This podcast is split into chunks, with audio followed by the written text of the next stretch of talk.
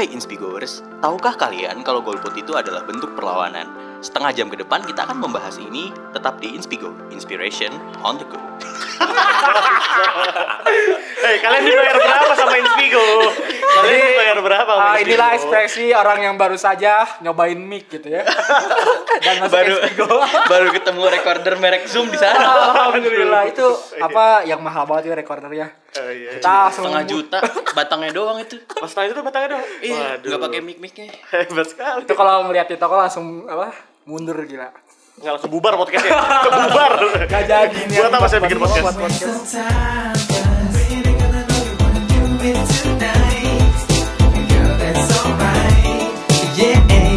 Just let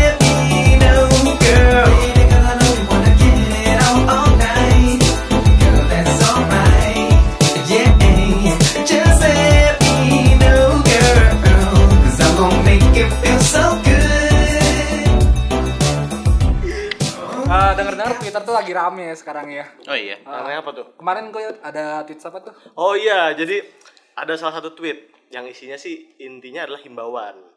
Himbauan kepada para Twitter, para pengguna Instagram, pengguna media sosial lah untuk tidak lagi eh, mensebarluaskan konten-konten dari Menyebar. Anda tolong mensebarluaskan. dong. Tidak apa-apa dong.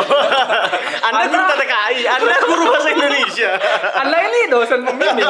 Sombong sekali kau. Ganggu aja, Pak. semangat membimbing gak apa ya menyebarluaskan konten-konten dari gerakan sosial Nur Hadi Aldo karena itu dianggap sebagai uh, gerakan yang mempromosikan golongan Mahfud golongan putih golongan putih golongan putih kayak gitu Jadi kalau kalian tidak sadar, tadi ada hmm yang Nah, lain ya. itu dia. Ada suara yang berbeda. nah ya Oh, jadi iya. suara-suara yang tebal yang tidak biasa muncul di kami-kami Iya. Akhirnya ada suara baru gitu ya. Iya, betul. Kita sedang memperkenalkan program baru memang ya. Iya, betul. Program apa itu Bapak Faris? Jadi judulnya adalah kolab dengan pendengar. Collab dong, jangan collab. Kalau ini bahasa Inggris. Kenapa Gue juga kena revisi aja, anjir. Kenapa collab? Salah mulut. Yuk, langsung kita sambut Ya, tapi aja. sih tangan beda sekarang. Aduh. Ini dari Spigo kayaknya. ya? Spigo. Abang-abang yang punya mic kemarin. Apa ini buat apa ucapan terima Iya. kasih? bang, kenalin diri bang. Bang, emang. Ya. Halo pendengar semua. Mas. Eh, gue Ave dari Bandung. Tapi kalau orang Bandung nanya di mana rumahnya tinggalnya, gue bilang di Cimahi. Wah. Tapi kalau orang Cimahi bilang di mana tinggalnya, gue bilangnya di Kabupaten Bandung Barat. Iya. Jadi di manakah Kabupaten Bandung Barat? Lalu suka nyebut juga gue. Oh iya, gue, gue suka nyebut itu. Gimana itu? Itu sebenarnya bentuk hinaan sih sebenarnya. gue jadi Anjing, gue tinggal di situ loh. Itu dia, Sekarang mohon maaf. Walaupun di perbatasan juga sih. Oh iya. Ya, gue jadi pendengar setia sejak episode apa ya itu ya? Episode debat kalau nggak salah. Jangan gitu. Jangan, justru itu yang paling jelek. Dan juga episode debat itu baru, jadi pendengar setianya baru ya. Kenapa kita memilih orang seperti Anda? Salah Aduh, pilih. salah nih ya. Maaf, maaf, maaf, maaf. Soalnya gue ketemu Farisnya waktu ke situ. Oh, iya, iya, iya. Memang Gak apa-apa lah. Semoga eh, apa project baru ini Ya. Jadi Ave ini apa latar belakang pendidikan lo apa, Ve? Eh, ya masih mahasiswa sama kayak Iya. kalian. Oh, iya. Jurusan? Jurusannya? Gue jurusan arkeologi. Nah, Jadi, jadi, akhirnya ada apa? Analisis sosial sebetulnya. Ya, kita menemukan orang yang tepat untuk membahas golput. Benar, iya. Dari arkeolog. Mantap. Karena ini ada titisan sejarahnya emang di Ah, golput itu. Ya, Mau tahu apa? Tar dulu. gak, gak, gak nyambungnya sambung-sambungin aja lah ya. Sama Udah lah ya. Iya, iya, iya. Bisa lah, bisa lah. Kita tuh masih gua sama gue masih menemukan eh, masih mencari alasan kenapa lu harus ada, kan lu ada karena Faris kan. Iya, iya, iya. Iya, jadi ini Bener. percobaan ya teman-teman. Sebelum gua ngajak yang apa? Benar-benar related kalau ada ya. Udah balik ke topik, balik ke topik. Ini panjang. panjang banget. Udah lima menit. Terakhir kali Faris ngerit podcast itu hasilnya itu Iya, debat ketua ini. OSIS. 41 menit yang denger cuma 12 orang, bangsat Iya. emang. Dan hanya dua menit didengarkannya. Aduh. Ya ya. Lanjut, lanjut, lanjut. Jadi tadi balik lagi ya kita ke tweets yang siapa sih tadi? Tweets siapa? Namanya ini Ulin Nusron. Siapa itu? Sepertinya buzzer sih. Awalnya saya pikir Nusron Wahid, Kok tapi ternyata bukan. Gak kok buzzer bisa certified gitu warna biru-biru. Dia dia pu- uh, punya karya-karya sastra sih kalau Oh, lihat iya. di Maaf, Twitternya. maaf, Pak. Itu, uh, followersnya banyak sih. Lu nggak tahu buzzer yang centang lah ini? Siapa tuh? ADMS?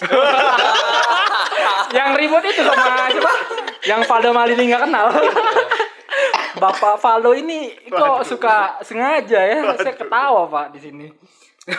nah nyambung dari Bapak Bazar ini jadi memang uh, di Twitter ya kembali lagi di dun- dunia Twitter lagi rame uh, tentang golput gitu atau golongan putih. Mantap.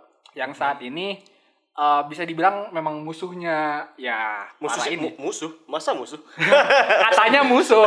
Gua ngutip lah ngutip Oh, gitu, gitu, iya, iya. ini nggak bisa kelihatan kutipnya kan? Siap, siap, musuh katanya. Untuk para uh, tim ses lah khususnya buat para peserta pilpres khususnya saat ini Ah, gitu. iya, iya. Bahkan maksudnya kan uh, kemarin itu gue juga ngeliat sih di ya simpatisan Jokowi Ari Kriting Uh-uh. Waduh. terus Bapak Mahfud MD ya Ada kritik bukannya netral? netramu Ya, tai dia netral. bullshit anjir Oh, dia simpatisan. ya boleh lah ngekritik ngekritik Dia tapi netral. abis itu- Kalau lagi di aksi kamisan. Oh iya, Ah, benar. iya, iya. Iya, saya bingung. Ini orangnya fleksibel banget sih emang. Aksi kamisan yang tahun berapa tapi? Pokoknya dia kalau nomor cantik datang biasanya. Iya, iya. Pak dari awal tanggalan gitu. Iya, iya, iya. balik lagi balik. Tanggal cantik ya, iya. Dah, jadi salah satunya hari keriting ini aja ikut serta kemarin tuh kayak bikin video gitu lah. Eh, sama Bapak Mahfud MD juga ya. Untuk eh, gerakan untuk memilih. Oke. Yang katanya memang untuk memerangi eh, apa ramenya gelombang viralnya gerakan golput di Oh Twitter. itu yang video Pak Mahfud itu. Oh iya, Iya. iya. Ada Chania juga kan? Oh, Chania juga. Ada, ada, ada, ada. Kok gua liat. Mbak ini ikutan sih? Kakak kelasnya Faris.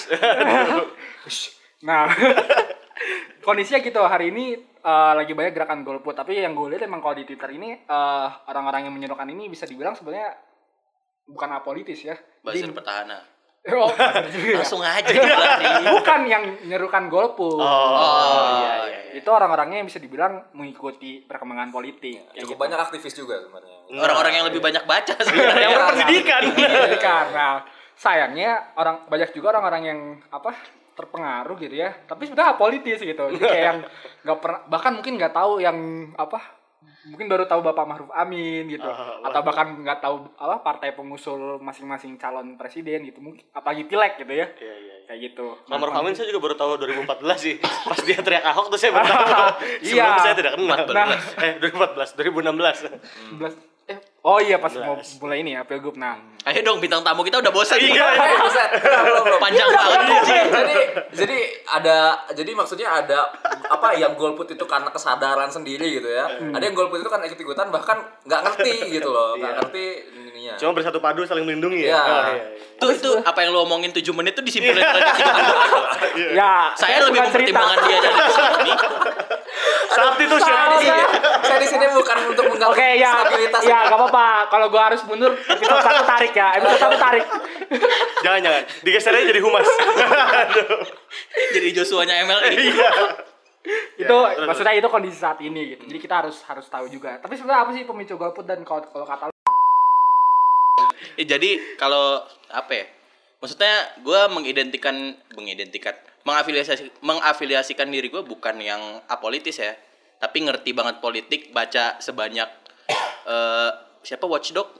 Watchdog uh, tahu gua. cover apa Eh, Pokoknya orang-orang Watchdog yang golput semua, terus ada Oh. Bung Farid golput juga gue nggak sebanyak baca mereka. Oh iya iya. Tapi kenapa golput itu rame menurut gue salah satunya adalah karena apa ya bosen suhu politiknya terlalu tinggi Oh iya. akhirnya ya udah anjing daripada gue harus ikut-ikutan yang gak jelas berantem sana sini cabut ah gue nggak mau diafiliasi nggak mau diafiliasikan dengan yang mana pun gitu Itu salah satunya. salah satunya yang nomor dua lo ayo apa apa apa? Apa? Kalau kalau gua ngeliatnya emang sama sih. Maksudnya hari ini kayak apa ya? Orang-orang tuh banyaknya memprotes karena nama yang naiknya itu tidak sesuai dengan harapan kayak gitu. Termasuk kan tadi Bapak Maruf Amin yang baru Agoy kenal tahun 2016 itu Aduh. banyak disorot karena eh, track record terakhirnya itu kan dia pas ya, pas Ahok gitu ya. Jadi kayak terlihat dia tuh Ramai. eh, dibi- bisa dibilang kalau kalau kata media itu yang memicu eh, sikap-sikap intoleran intoleran sekarang gitu. oh ini yang lo maksud lah golongan Mahfud ya berarti golongan kecewa ya Iya. Kecewa, Betul. Golongan iya. sakit hati. Kayak gitu. Jadi memang orang-orang sekarang tuh apalagi yang mengikuti perkembangan politik itu sebenarnya mengharapkan adanya alternatif calon untuk di pilpres. Khususnya untuk pilpres ya kalau kita eh, bahasnya itu. Kalau pilek terlalu banyak ya. Iya emang banyak kalau orang kalau pileg nggak kalau pileg Nggak boleh. nggak- Ya nanti itu. Jangan Kok langsung kesimpulan? Iya, iya, iya. Dulu dong. Ini ini bintang tamu harus disuruh ngomong Iya. dulu. Dari tadi ada bintang tamunya. Lu, lu gimana? Menurut lu apa gua mau pemicu golput? Iya. gua gua tanya aja lu dulu. Ah, Lu dulu, dulu. Biar muncul suaranya. ya, kalau buat gue tuh sih pilihan golput sekarang, maksudnya golput untuk sekarang itu memang pilihan paling rasional dalam artian dalam artian ya memang kampanyenya masih lama gitu loh. Oke. Jadi emang gue belum di posisi mana pun dulu gitu. Pemilih rasional harus kayak gitu gitu. Tapi gue tuh eh, memang karena politik nasional itu terlalu, terlalu banyak noise ya. Terlalu banyak suara bising yang sebenarnya nggak penting-penting banget kita kita kita dengerin gitu loh. Itu nggak penting-penting banget kita dengerin sekarang gitu loh. Karena di April tuh kita nggak akan nggak akan ngelihat ke belakang lalu kemudian ini suara bising ini sebenarnya penting apa enggak gitu karena nggak akan penting gitu loh. Ini yang Valdo ADMS ini nggak akan penting gitu loh. Terus kemudian Ada yang lagi. yang apa yang yang tak yang ya mungkin yang kita omongin kita omongin tadi itu yang di Twitter Twitter itu mungkin pada akhirnya ketika kita udah di mau mau nyoblos ya kita nggak akan mikir soal itunya juga gitu loh. Jadi memang terlalu banyak noise-nya gitu. Jadi yang memang pengen gue gue bilang gue akan bilang kalau kalau sekarang kalau sekarang gue suruh nyoblos gue gue bakal golput gitu loh. Kalau Tapi sekarang ya? Kalau sekarang, kalau sekarang terutama buat pil- pilpres, terutama buat pilpres. Tapi kalau kemudian nanti kalau kemudian nanti bulan April yang emang waktunya gitu ya, gue belum tahu. Tuh. Tuh menurut gue Emang banyak swing voters kayak gini. Betul. Asumsi kalau mau ngundang dia nanti bisa ya. Melalui Kalau dia ya? dia, melalui Kita promosiin orang doang. ini kader kami, ini kader kami. Tolong ya asumsi ya kalau mau ya. Nih, jangan-jangan Pange sama Iman lagi scouting gitu. Buset, lagi scouting. Jangan kasih tahu dong. Itu Ini tujuan PKS kita. bagus tapi ada Faris. Gimana nih? Mau dijadiin sidekick? Aduh. Aduh, jangan diceritain dong. Itu Ya lanjut topik selanjutnya. Eh tapi gue menemukan juga salah satu Ada lagi ya? pemicu golput yang cukup menarik juga. Jadi disebutnya adalah ketidakpuasan terhadap sistem demokrasi. Hmm. Ah, Karena- oh iya, gue ya, tahu. Ini, jadi- ini bukan apa presiden threshold juga. Jangan. Termasuk bisa salah satunya ke arah Ah, sana. iya, iya, Jadi iya, iya. banyak orang yang berkeluh kesah terhadap betul. ini sistem ini tuh bobrok gitu. Sehingga dia merasa kayak gue tidak bisa terlibat di sistem ini. Nggak mau melanggengkan lah. Iya, gak mau melanggengkan karena gue tidak setuju dengan sistem ini kalau gue berpartisipasi pada pemilu yang merum- apa merupakan manifestasi dari sistem ini maka bentuk persetujuan gue gitu kasarnya seperti itu. Hmm, Ada juga yang berpikirannya seperti itu atau mungkin alasannya karena pro hilafah. itu juga bisa. Tapi ya itu adalah sebagian kelompok-kelompoknya kan macam-macam nih kita lihat berbagai spektrum. Tapi emang bener sih eh, dari Perludem sendiri emang mereka hari ini masih tetap menentang presiden threshold. apa de Perludem. perlu de Perludem itu masih eh, bertahan di sana dan merasa memang inilah yang membuat eh, indikator paling kuat gitu adanya golput pada tahun 2019 kayak gitu. Termasuk mer- mereka bahkan masih ingin eh, menggagalkan untuk 2024 kayak gitu dari Perludem sendiri. Iya, iya, Tadi gue baca itu wah ini menarik banget gitu. Tapi eh, tadi ya balik lagi kondisinya udah seperti ini gitu ya. Eh, Kita udah punya pilihan, pesertanya udah ada, kampanye udah berjalan 70 hari. Eh 70 hari? Salah, 70 hari lagi mau pemilu. 70 gitu Oh, ya. soalnya iya, pemilu. Ini waktu yang sangat singkat untuk eh, kita memilah-milah ya kayak gitu. Hampir Tapi 69. kondisinya ya itu kalau kita bicara golput paradigmanya tuh sepertinya udah berubah nih kayak gitu.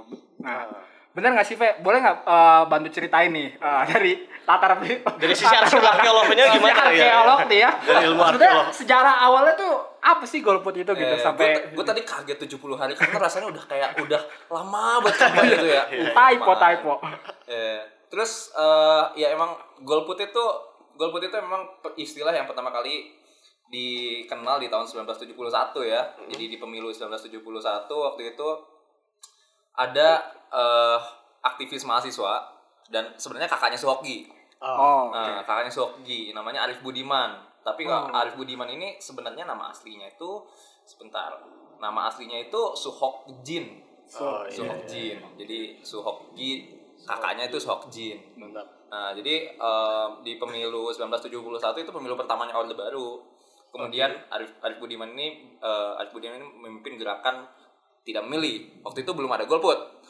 Tapi gerakan tidak memilih. Eh, karena dia bilang kalau gerakan gerakan apa harus ada harus ada alternatif harus ada alternatif terhadap siapa pun gitu ya harus ada alternatif apa ya alternatif terhadap siapa pun yang pada akhirnya akan jadi eh, pemerintah waktu itu. Jadi gerakan Ah. gerakan waktu itu adalah sep- seperti itu gitu.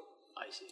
Nah, eh, menariknya waktu itu t- jadi golput itu sejarahnya adalah em, setelah eh, setelah tahun 1971 pertama kali dikenalkan oleh Arif Budiman, tapi istilah golput itu sama sebenarnya sama eh, di pencetusnya adalah Imam Waluyo karena Oh. waktu itu Orde Baru tuh ya kalau kita nggak datang ke TPS kita ditandain.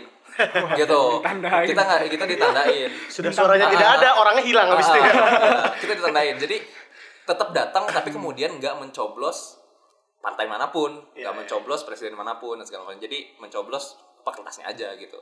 Itu yang di golongan putih itu sejak sejak itu gitu.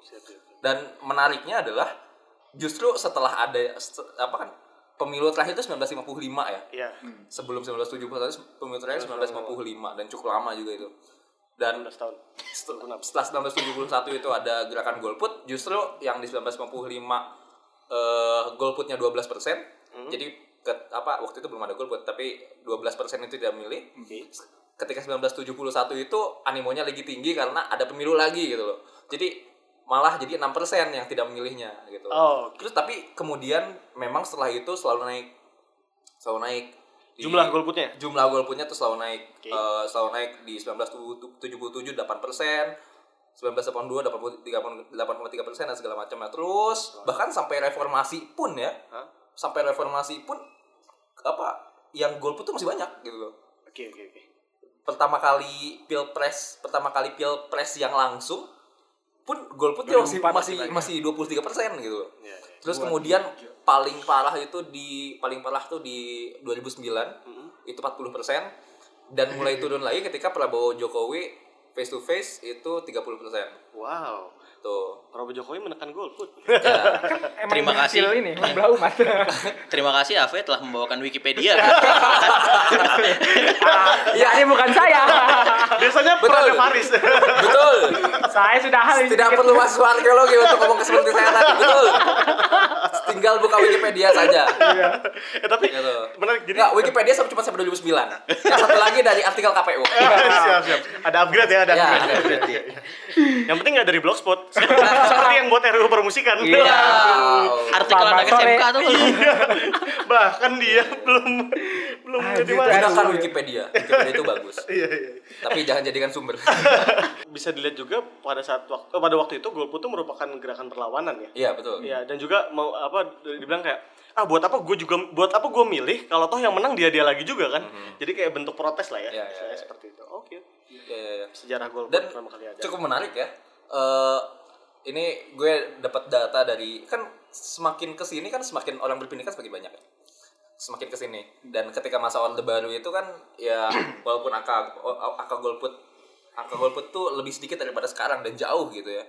Ada gue nggak bisa gue nggak bisa menyimpulkan seperti ini gitu. Tapi ada ada keter- keterkaitan antara orang yang kemudian ngerti demokrasi Mm-mm. ya apa kecerdasan bermasyarakat dalam demokrasi lalu kemudian dengan angka golput gitu loh. Ah, belum tentu kemudian orang-orang yang belum tentu orang-orang yang kemudian mengerti bagaimana demokrasi berjalan terus kemudian nggak akan golput juga gitu loh. Iya iya iya. itu yang kemudian itu cukup menarik menurut gue melihat angkanya seperti itu gitu lanjut. Ya memang waktu itu eh, bentuk perlawanan itu karena eh, partai-partai yang ada itu memang apa sih bisa dibilang kayak di kontra pemerintah kayak gitu. oke Mhm. Termasuk yang paling apa kentara itu pada tahun 71 memang- itu memang lahirnya eh, organisasi yang tadinya tidak mau diakui partai. Itu golongan karya. Waktu itu kan Oh, Nasdem. Nasdem Kirain Nasdem. Iya, kirain Nasdem belum belum. Itu juga organisasi ya. awalnya gitu Oh gitu, semuanya sama ya. Ka- Ya. kirain Garbi kadernya gitu kayak. kirain Garbi ya Garbi lagi kayak gitu. Sama ya Jadi di tahun 71 kayak gitu. Jadi eh, memang apa ya? Eh tapi Apa tunggu, lu bilang tadi di Orde Baru kan ada pemilu tuh. ya Emang Orde Baru calonnya selain Soeharto siapa? ya? jadi masih ada lawan ya Aldo, enggak kan pemilu pemilu orde baru itu enggak ada pilpres jadi pilek pemilunya Oh. Ini aja semuanya Oh, karena saat itu. Soehartonya naik dipilih oleh DPR ya? MPR MPR, MPR ya, ya. Oke oke oke oke. Jadi buat yang masih bersemangat mengganti UUD 45 ke versi aslinya, ya itu mungkin itu, seperti itu, kayak ya gitu. kan? Waduh, ngerti juga. Rame itu, Tidak rame itu di kampus gua tahun lalu. Bahas itu ya. Iya, bahas itu. Si rame tuh. Siap, siap. Kampus Anda di mana di Polban? Oh, bukan. Saya pikir di Polban. Oh, iya, salah. Saya pikir karena temannya Faris. Iya, iya, iya. Oke, nah. itu kan cerita awalnya jadi berarti bener ya sebenarnya ada ada sedikit perubahan paradigma ya. Ketika diinisiasi di awal itu da- oleh Bapak Arif Budiman dan juga setelah ada tadi ya Imam Waluyo itu Iya. eh, mereka berlima setahu gue ya Iya. berlima eh, yang paling lantang kayak gitu untuk untuk apa berbicara tentang golput. Itu sudah berubah gitu. Jadi memang hari ini ya mungkin tadi bener kata Ave udah berpendidikan tapi mungkin sebag banyaknya lebih yang nggak politis kayak gitu. Dan tapi bisa juga ada yang memang apolit eh, dia tidak memilih tapi sebetulnya ngerti tadi paham demo- eh, tentang demokrasi karena Iya. makanya kalau Gus Dur bilangnya memang dia justru men- menyetujui loh katanya golput kayak gitu Siapa? Gus Dur, Oh, Gus gue baru, baru baca ternyata dia menyetujui karena ini bisa jadi bentuk krit- eh, kritik terhadap Iya. eh, apa jalannya demokrasi Betul, setelah betul. eh, reformasi Reformasi. khususnya kayak gitu. Restorasi. Agak Karena- tahu. Karena esensinya, esensi demokrasi itu kan suara kan. ya, soalnya. Ketika lo nyoblos tuh berarti lo mau menyuarakan sesuatu, lo mengkomunikasikan sesuatu gitu kan. Dan lo nggak nyoblos pun lo mengkomunikasikan sesuatu gitu loh. Itu itu esensinya sebenarnya. Jadi eh, apa pada akhirnya nanti angka golput angka golput tinggi itu itu mengkomunikasikan sesuatu gitu. Berarti ada yang salah atau enggak gitu dari sistem demokrasi kita gitu kan. Nah, itu Nah, makanya gitu. balik lagi. Ya ini jadi yang jadi kesimpulan ya. Jadi, kayak gitu eh, teman-teman nah, untuk golput. Tapi sebetulnya efeknya apa sih eh, adanya gerakan golput ini sebetulnya secara eh, realnya ke depannya gitu. Misal ada berapa orang yang memilih dan sebagainya atau efek ke parlemennya kayak gitu. Ya, gue sering mendengar argumen against golput itu, Against against, golput, golput, itu suka dibanding-bandingin sama jadi apa ininya Trump lah Oh, atau. Brexit lah dan Hmm. segala macamnya gitu. Wadaw juga. Atau apa atau mungkin ya di banyak tempat lainnya lah di mana em, golput itu jadi gak bagus gitu bagi pemerintahannya, bagi masyarakatnya dan segala macamnya. Di satu sisi itu bener, di satu sisi itu mungkin bener, tapi kan di sisi yang lain kita harus ngelihat juga karena kita nggak bisa ngelihat golput itu sebagai bentuk ketidakpedulian aja gitu. Kita nggak boleh ngelihat itu cuman sebagai bentuk ketidakpedulian aja. Kalau karena bisa jadi ya seperti yang gue bilang tadi gitu, golput itu untuk mengkomunikasikan sesuatu juga gitu, Kak, bahwa pilihan yang ada tidak memenuhi yang gue pengen gitu loh segala macamnya. Dan eh, apa sih tadi pertanyaan lu? Apa gue lupa? Dampaknya apa sih sebenarnya gitu? Maksudnya eh, ada nggak sih misalnya eh, nantinya ada sejuta orang golput misalnya. Mhm. Kayak gitu. Untuk hasil pemilunya mungkin atau ke depannya nanti si, yang dipilihnya itu efeknya gimana sih? Kayak gitu. Ada nggak? Kalau efek ke pemerintahan ya. Kalau efek ke pemerintahan gue rasa nggak ada. Oke ya. kalau efek ke pemerintahan ya pemerintahan tetap legit gitu. Tetap punya legitimasi. Punya tetap punya legitimasi. Tapi kalau ke apa ya? Jadi Gimana? eh, problemnya problemnya golput itu adalah ketika eh, problemnya golput itu adalah ketika orang-orang golput karena satu alasan. Lu kemudian lu kemudian yang naik yang nggak dia pengenin yang nggak dia pengenin sama sekali. Terus kemudian yang golput ini yang golput ini kemudian wah kok gitu? Gitu loh. Jadi dan wah kok gitu? Dan terus kemudian eh, nyesel karena nggak milih nggak milih yang lesser of two evil itu gitu. Nggak milih yang nggak lebih jahatnya itu. Itu jadi problem gitu loh. Itu jadi problem. Dan nggak eh, itu nggak ideal kejadian di negara demokrasi di masyarakat demokrasi itu nggak ideal itu Tapi kepo sih, maksudnya eh kalau di dunia perkampusan tuh aduh Ya, kan enggak kalau di dunia Ya, perkampusan boleh, boleh. Analogi yang, yang yang sering mudah. muncul itu kan kalau misalnya eh, tingkat partisipasinya sebegitu rendahnya, Hmm. maka bisa jadi akhirnya ada kota kosong, terus akhirnya terjadi kekosongan kekuasaan, pemilunya ulang lagi gitu. Ya, kan. Di kita ya. mungkin nggak ada jadi kayak gitu gak sih? Di Indonesia tuh belum ada undang-undangnya ya, kalau nggak salah Enggak, berarti di, di, di dalam kondisi ekstrim yang seperti apa? Misalnya kayak yang golput 85%. Wah, masa terus jalan? Gue nggak tahu sih.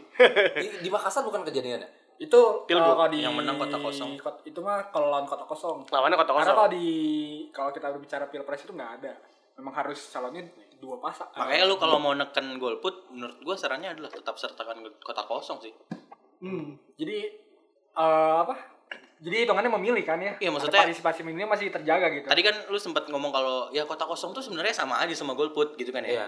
Menurut gua mengadakan kota kosong dalam surat suara itu adalah melegitimasi melegitimasi Oh, kalau ya oke, sebenarnya oke, itu tuh ngerti, berpengaruh ngerti, ngerti, di, ngerti, di tatanan ngerti. pemerintah. Jadi kan kita selama ini tidak bisa membedakan, Hmm, kita tidak bisa membedakan golput yang orang peduli, Ya, terus ya. kemudian golput, lalu Nah. kemudian orang yang emang gue nggak peduli terus gue nggak jadinya golput gitu. Nah, itu lebih tidak memilih kan? Ah, itu tidak lebih tidak berpartisipasi memilih. dalam memilih.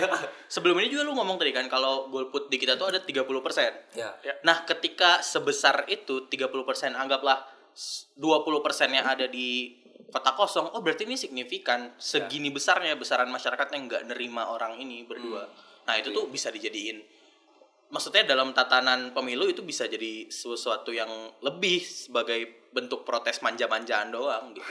itu sesuatu yang untuk dikomunikasikan lah. Iya. Ya. Kalau ini mengirimkan pesan, ya menurut gua cara lu mengirimkan pesan lah Ya, dengan datang dan coblos itu gitu. Ya, ya, betul, betul. Tapi gue Coblos. pernah pernah denger deh. Apa? Ada kemungkinan juga untuk pemilu ulang. Bila golputnya itu memang Lebih dari Lebih dari berapa? lima- eh 50 gitu ya. Kalau nggak salah. Angka 50 make sense sih. Kalau nggak salah ya, tapi kalau calonnya dua, kalau calonnya gede kan nggak make sense pak. Calonnya gede gimana? susah sih. Oh banyak. Eh, kalau misalnya Ya, bayangin, Kalau calon, kata gua apalagi kalau kalau calonnya banyak, sudah calonnya banyak, lebih banyak yang golput, kan lebih chaos lagi berarti. Berarti ini parpol gak guna selama Ya, ini kan. Anda milih siapa? Anang buat jadi presiden. Yakin dia kepilih lagi setelah kemarin. itu kan eh, kita berbicara tentang dampak golput nih. Tapi Hmm. sebetulnya kita lebih ke hal yang mendasar tadi kita udah ngomongin hal memilih. Sebenarnya jadi hari ini tuh kita perlu nggak sih memilih tuh kayak gitu? Anda tidak usah membawa ini seperti topik sosialisasi KPU.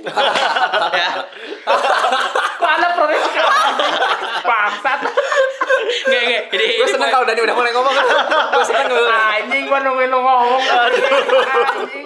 Nggak, nggak. Ini, ini, ini menurut gue, Riz. Maksudnya di, di lain dari itu. Menurut gue, Dikat ya. Terjadi drama rumah tangga. nggak menurut gue, menurut gue kenapa selama ini orang yang memilih karena tidak peduli dan orang yang memilih golput karena menganggap mereka tidak kompeten tidak bisa dibedakan karena selama ini pendidikan kita adalah pendidikan untuk memilih bukan pendidikan dalam berpolitik Ya, Ya, sih? oke, Lu kalau kedatangan sosialisasi KPU adalah ya gini ya, jadi Anda ke kotak suara ini ini. ya, maksudnya gua dua hari besok tahu ada coblos juga gua nyari sendiri gimana caranya kalau gua pengen bener-bener nyoblos gitu. Yang gua pengen tahu hari ini adalah politik tuh benerkah baik lawan jahat, benerkah sistem yang kita pakai adalah lesser evil politik gitu. Nah, hal-hal kayak gitu selama ini nggak diajarin. Kita bisa ngelihat ada bangkitnya seorang Ocasio-Cortez di Amerika. Di sini kita iya, masih iya. bisa ngelihat anang hijau dengan RUU-nya. Ya itu karena sistem pendidik Ya, sistem ya, ya. pendidikan politik kita yang kayak gitu sih menurut gua. Jadi kalau ditanya dari lu gimana tadi pertanyaan lu? Perlu nggak sih sudah mencoblos tuh? Perlu nggak mencoblos? Untuk saat ini adalah perlu jawabannya. Sampai kita bisa mengganti oh gimana caranya orang-orang yang kita coblos saat ini itu adalah orang-orang yang membawa perubahan itu. Jadi oke ke kita ya, oke harus kita bisa mengutuk kondisi sekarang gitu. Oke ya golput dan lain-lain. Tapi ya kalau lu golput dan hasilnya tidak signifikan, lu golput buat apa, men? Gitu. Berarti ya golput harusnya dimobilisasi ya. Iya. Membentuk suatu gerakan. Harusnya gerakan. gitu. Awan namanya awan namanya, awan namanya. Ada kan coblos nomor 3 si Aris Hazar? Oh, iya. Ada grup WhatsApp-nya. Ada grup WhatsApp-nya. Tapi dan berarti pendidikan politik itu harusnya dimainkan sama partai politik, ya kan? Iya. Berarti Karena harusnya kan- yang memainkan partai politik kan yang Makanya partai politik itu dimasukkan dalam APBN. Pembahasan dalam topik lain. Topik lain ya. Topik lain, topik lain. Itu itu itu itu lain. Kalau lu- lu sendiri gimana Goy? Pandangan lu sudah perlu nggak sih kita- sekali lagi kita mencoblos gitu? Maaf saya pro khilafah. Oke, gue udah dapat jawabannya. Silakan, Bapak Ape. Next, next, next. Enggak ada. Ralat-ralat nggak ada di sini. Oh, saya tidak mau meralat. saya tidak mau meralat. enggak, enggak. Iya, pada akhirnya pada akhirnya ya, memilih itu tetap perlu. Iya, tetap. Oke. Tapi pilihannya seperti apa? Termasuk tadi udah dibahas semua kan, mau milih kota kosong, mau milih. Tapi yang paling penting adalah kalian ikuti isunya, kalian datang ke tempatnya, selesaikan hak-hak eh, gunakan hak-hak kalian pada akhirnya pilihan kalian apa pun itu tidak masalah. Tapi at least eh, kalimat yang menyatakan bahwa kalian adalah apolitis atau misalnya apatis itu itu tetap dilakukan gitu. Karena bagian akhirnya adalah ini kan suatu sistem. Maka sistem tersebut harus tetap dilaksanakan terlepas dari pilihannya seperti apa pun. Jadi eh, kalau menurut gue sih ya memilih itu tetap perlu. Tapi kan tidak ada paksaan terhadap pilihannya. Oh, di ralat gue sama gue ngomongnya dalam bentuk legislatif ya gue ya. Oh iya betul. Presiden mah ya. iya. Kalian cerita aja lah. Tahan. PKS presidenku, legislatif pemiluku. pemiluku hanya sampai legislatif. Jadi lu bakal ngambil 4 dong dari 5 ya. Kenapa? Enggak, itu gue tukar sama surat suara biru lain ya. surat suara presiden gue ambil dua lagi Iya, legislatif. Saya sudah niat mau majang di rumah, saya ambil surat-suratnya itu. Bang. Ini jadinya dua ya. Mantep. Lu gimana, Pe? Iya. Ya, eh, kalau gue stance gue sekarang sih emang eh, buat buat pilpres gue belum tahu, tapi buat pileg emang gue harus gitu lah. Jadi gue pernah dengar apa sa- satu politisi bilang kalau kalau kalau anda bilang saya tuh milih anda loh, terus terus saya kecewa sama anda, itu tuh berat gitu ke politisinya. Jadi ke representatif kita di DPR itu kalau kemudian kita bilang saya tuh milih anda loh, jadi saya harus saya punya hak terhadap anda gitu loh. Itu jadinya kita punya kekuatan di sana, power kita di sana gitu loh, secara politik ya. Jadi dan gue pengen bilang kalau em, golput itu juga bagian dari berdemokrasi gitu. Nggak semua golput itu yang golput itu apolitis dan segala macamnya. Kita mungkin harus kemudian punya sistem yang lebih baik untuk bagaimana mengkomunikasikan yang golput yang golput yang memang karena ber- berpolitik itu kayak gim, per- berpolitik itu kemudian dikomunikasikan bagaimana dan golput yang gara-gara apolitis itu dikomunikasikannya seperti apa gitu. Jadi kita tahu demografinya yang yang nggak nggak peduli peduli amat itu sekian persen yang peduli lalu kemudian nggak dapet nggak dapet apa? Yang peduli kemudian nggak dapet apa tuh namanya? Nggak dapet nggak dapet pilihannya itu sekian persen gitu. Menurut gue kayak gitu. Dan eh ya walaupun gue juga belum tahu sih mau milih siapa ya pun pileknya juga Ah, gue juga bingung. Kita belum ada yang tahu Iya, kok. iya, iya. jadi banyak banyak lah banyak banget yang ngundang om Farhan om Farhan om Farhan lainnya lah maksudnya. biar gue dengerinnya karena susah loh Iya. susah loh milih milih milih wakil tuh kayak yang yang gue kenal ya ada tapi belum tentu bagus yang bagus ada tapi belum Ya, tentu yang lu kenal mau datang ke sini enggak? Iya. Iya Linknya. Silakan Anda boleh menantang Iya, iya, iya, iya, Mau nantang siapa? Tadinya tuh kita bikin si- sistem kayak Panji ya, Apa tuh? yang mau datang ke kita nge-tweet tidak ada yang membalas. yang Jadi ya bangsat. ya ya ya ya ya aduh ya. tapi ngomong menarik gue gue selalu pengen kayak tadi misalnya ada politisi yang udah gue pilih terus gue bilang woi gue udah milih lo. Lo tidak dengarkan suara gue pas gue ngomong gitu sudah di recall kurang ajar emang partai-partai. Recall recall. gue gue pengen cerita sedikit karena em, gue Aduh. eh, ini ini ada ada video yang viral jadi kan DPR kan punya masa riset ya. Iya. DPR, DPR- tapi ini gue ngomongin soal DPR di Amerika sih. Nah jadi kita- mereka lagi ngomongin soal healthcare-nya Amerika Obamacare itu loh. Iya. healthcare-nya Amerika. Terus kemudian sama Republikan kan mau di apa tuh? Mau di rombak ulang gitu. Terus kemudian itu me- menyakiti banyak banyak keluarga gitu. Ya. ketika lagi reses itu di abis-abisin itu sama pendukungnya sendiri gitu ya. Ah, Lu mau ngubah, lu mau ngubah legislasi undang-undang yang nyelamatin hidup keluarga gue gitu loh. Ah, iya. Itu abis itu Iya. videonya kalau kemudian kita bisa kayak gitu ke anggota DPR ya ketika Nah, mereka lagi reses gitu di videoin kayak di videoin terus kemudian ya ya, ya anang aja lu promosikan abisin aja itu gitu ketika ketika lagi masa reses gitu loh Iya. itu itulah kenapa eh, gue ngerasa bahwa power kita terhadap legislatif itu jauh lebih besar daripada power kita terhadap eksekutif Jadi ya memang benar ya hubungan antara wakil dengan konstituennya itu Iya, lebih gitu. ter- terasa ya. iya begitulah berdemokrasi seharusnya gitu Nah, Siap, siap. berapa dengarkan itu caleg-calegku. Caleg yang dengerin ini cuma tim yang Farhan. Oh iya, terima kasih Om Farhan. nah, itu Eh, iya. maksudnya pandangan teman eh, kalian semua ya tentang perlunya uh, Ya lu, gue nanyain lu deh biar Gak, gue gak mau. Kalian udah tahu zaman gua. Gua doang diprotes aja. Tapi gua punya punya ini, punya uh, apa? Punya uh, contoh kasus yang menarik. Di negara lain itu kayak di Australia dan di Belgia itu kan kalau kita kan di sini memilih itu di undang-undang itu sebagai hak ya. Ya. Kayak gitu. ya Kita lebih ke dasar aja di undang-undang kayak gitu. Ya. Nah, sedangkan kalau di Australia itu dan di Belgia itu dijadikan sebagai kewajiban. Kewajiban. Kewajiban kayak gitu. Bahkan di Australia itu eh apa ketika kita nggak memilih itu diberikan denda loh. Dan gedenya itu sebesar 200 ribu lu bayangin. Lu nggak milih nih. Didenda 200 tadi kalau misalnya ada order baru ditandain Oh, iya, iya. oh ini didenda di Australia kayak gitu. Bahkan kalau di Belgia katanya kalau lu nggak milih empat kali berturut-turut gitu ya, eh, hak pilih lu bakal dicabut. Di transfer lu. Jadi Tasmania. Kayaknya Sudah iya. jadi pengungsi ya? Mungkin ke Papua kayak. Terus Berterima. Nah, Udah kayak ini aja ya, tiga kali gak sholat Jumat jadi kafir. baru gue mau ngomong itu. gue pengen ngerevisi hadis itu dah. Anda siapa merevisi-revisi? Sembarangan. lanjut lanjut lanjut. Jangan dilama-lamain. Lanjut lanjut lanjut. Tidak hilang. Nah, jadi apa ya?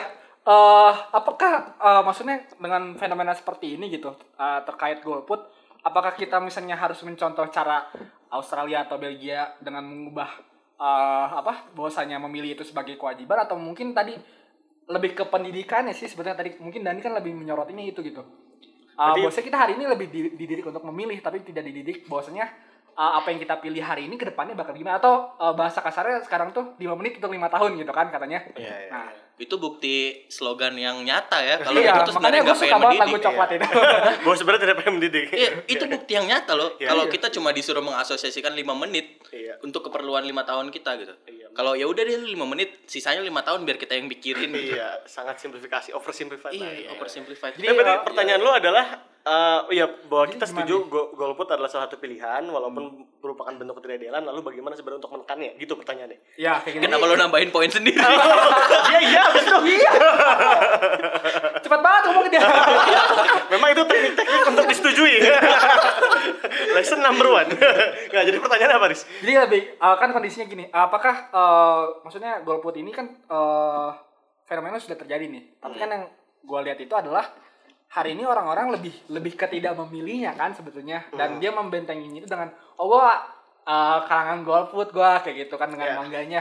Nah, apakah memang kita harus sampai misalnya mengikuti Australia kita ubah uh, memilih itu sebagai kewajiban atau kita memang akan lebih fokus concern itu lebih ke pendidikan politiknya gitu yang tadi uh, Dani omongin gitu ke depannya gitu. Iya. Jadi lebih ke uh, bukan golputnya sih lebih ke kita gimana sih ningkatin partisipasi pemilih apakah tadi golput kita jadikan sebagai kotak kosong mungkin gimana kalau lu gitu di akhirnya seperti apa sih kita menyikapi ini gitu Menurut gue kalau kemudian dijadiin wajib, selalu- harus selalu ada kota kosong. So, harus selalu ada kota kosong. ketika dijadikan kewajiban Kalau itu jadikan kewajiban. Di Jadi Australia yang lo tahu ada kota kosong nggak? Tahu. belum kalau kalau untuk sistemnya Jadi di kalau wajib, wajib ma- wajib itu wajib berpartisipasi berpartisipasi dengan datang ke DPT.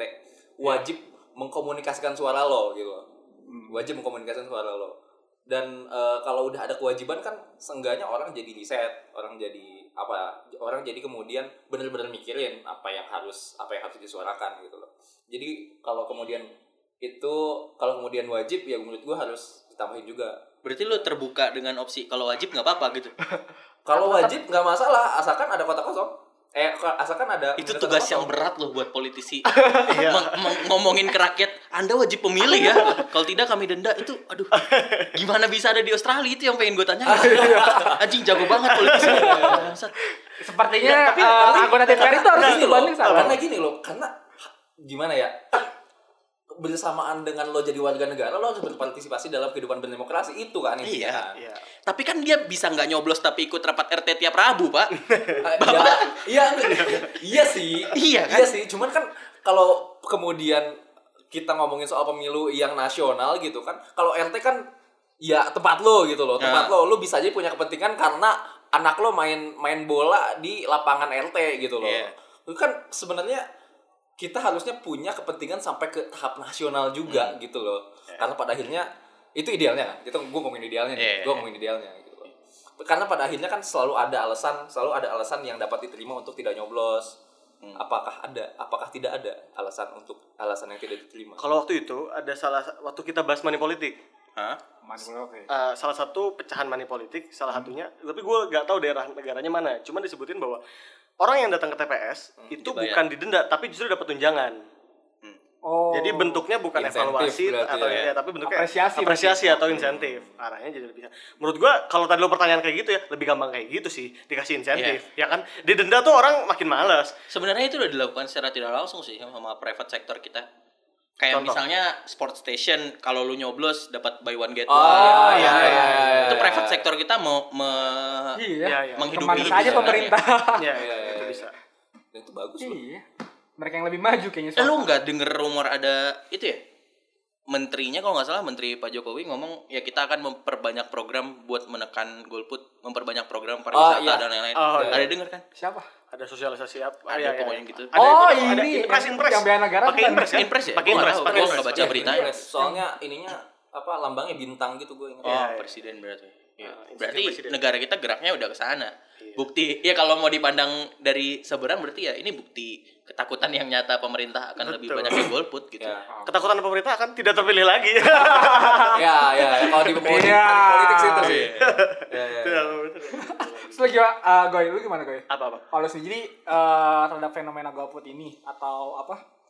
Ke depannya itu lebih uh, harusnya gimana sih gitu? Semua stakeholder itu gitu. Apakah kita akan lebih concern untuk memperbaiki pendidikan politik atau mungkin ya tadi kita uh, menyuruhkan untuk adanya kota kosong ke depannya untuk Menurut gua diatasi. paralel sih. Maksudnya Iya. itu semua adalah hal yang harus berjalan semuanya karena lu nggak bisa one side minded aja lu jalanin karena ya ini kan kompleks kan. Hal yang kompleks itu kalau misalnya jalanin satu aja ya bisa jadi lu jalan lu jalanin satu solusi sebenarnya itu mengurangi solusi yang lain jadi kayak Oke. ya dua-duanya tetap harus dijalanin pun dengan sesuai dengan kewajibannya begitu.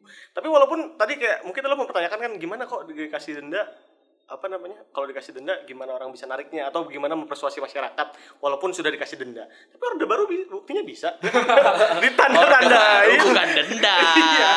denda kehidupan tanda tanda Dibayar dengan nyawa. Salah satu hak asasi, Bapak. Iya. Poin yang bagus Lebih tuh, takut. poin yang bagus tuh sebenarnya adalah kan adalah jadi kita tuh nggak bisa ngelihat ini sebagai ngelihat ini sebagai problem yang solusinya itu solusi praktis gitu loh. Ya, nice. Jadi memang solusinya tuh memang abstrak gitu loh. Hmm. Bahwa bahwa yang harus kita perbaiki berarti bukan cuma soal angka golputnya aja tapi kayak kedewasaan berdemokrasi dan segala macamnya lah gitu.